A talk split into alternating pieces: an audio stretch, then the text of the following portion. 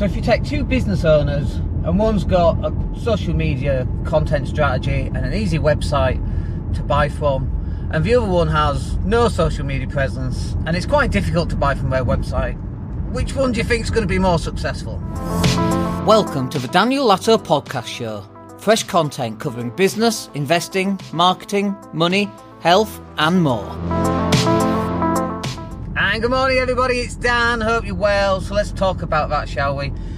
So on one hand, you got a guy, and he's got social media presence. He's got images and videos. Got call to actions. Got stories about his business and about his customers, and he's he's posting it out there on social media. First up, what do you think is going to happen? Do you think he's going to drive traffic back to his website? Yes, of course. Then compare that with the other person who's got very little social media presence, other than his holiday snaps or a picture of his cat or whatever that might be. No brand recognition, no brand story, uh, no discussions about his products or services or his business or about his customers. Like, out of those, which one do you think you're going to buy from when it, the time comes for you to buy? And it's obvious. It's so obvious, it doesn't need saying, but I'm going to say it. it's the first one, right?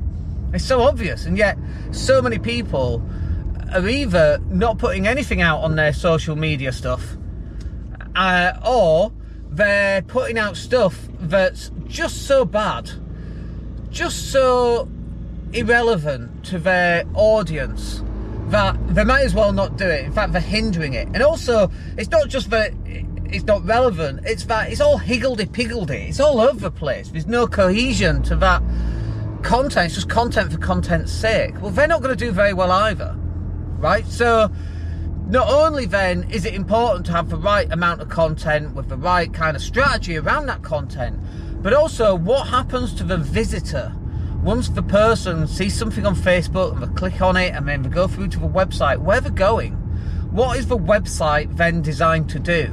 And this this is, might be the problem that you've got with your website is that yeah you're putting content out, but it's going to a website and if there's actually no cohesion on the website. It's actually quite difficult for a person to buy. I was looking at a website just yesterday.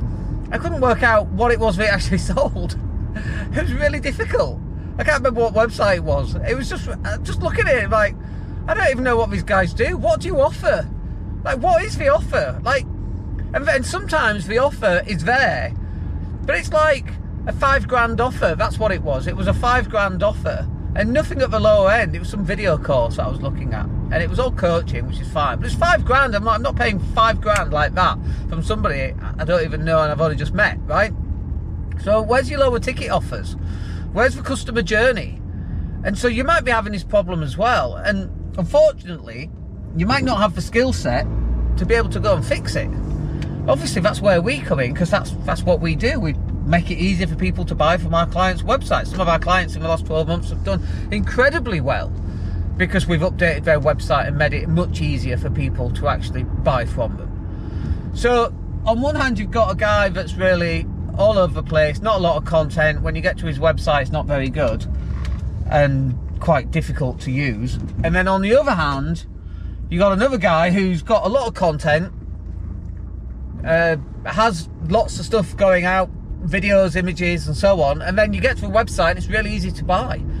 And so if this is where you are, you need to jump on a call with us probably. or you need to find a way of resolving it in one way or another. Anyway, I hope that's useful. I'm at CrossFit. I will speak to you on the next video. Take care.